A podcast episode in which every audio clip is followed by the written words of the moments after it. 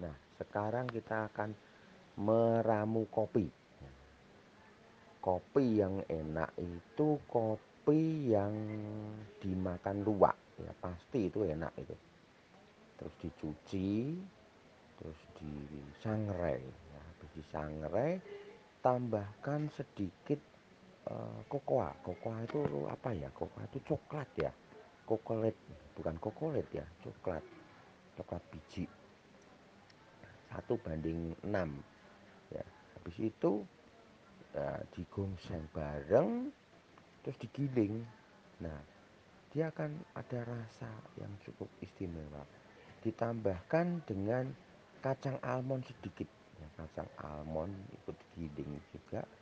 Jadi itu nah itu dia akan punya tekstur ya. Rasanya cukup enak juga gitu. Apalagi di waktu ndak punya duit dua minum kopi nikmatnya luar biasa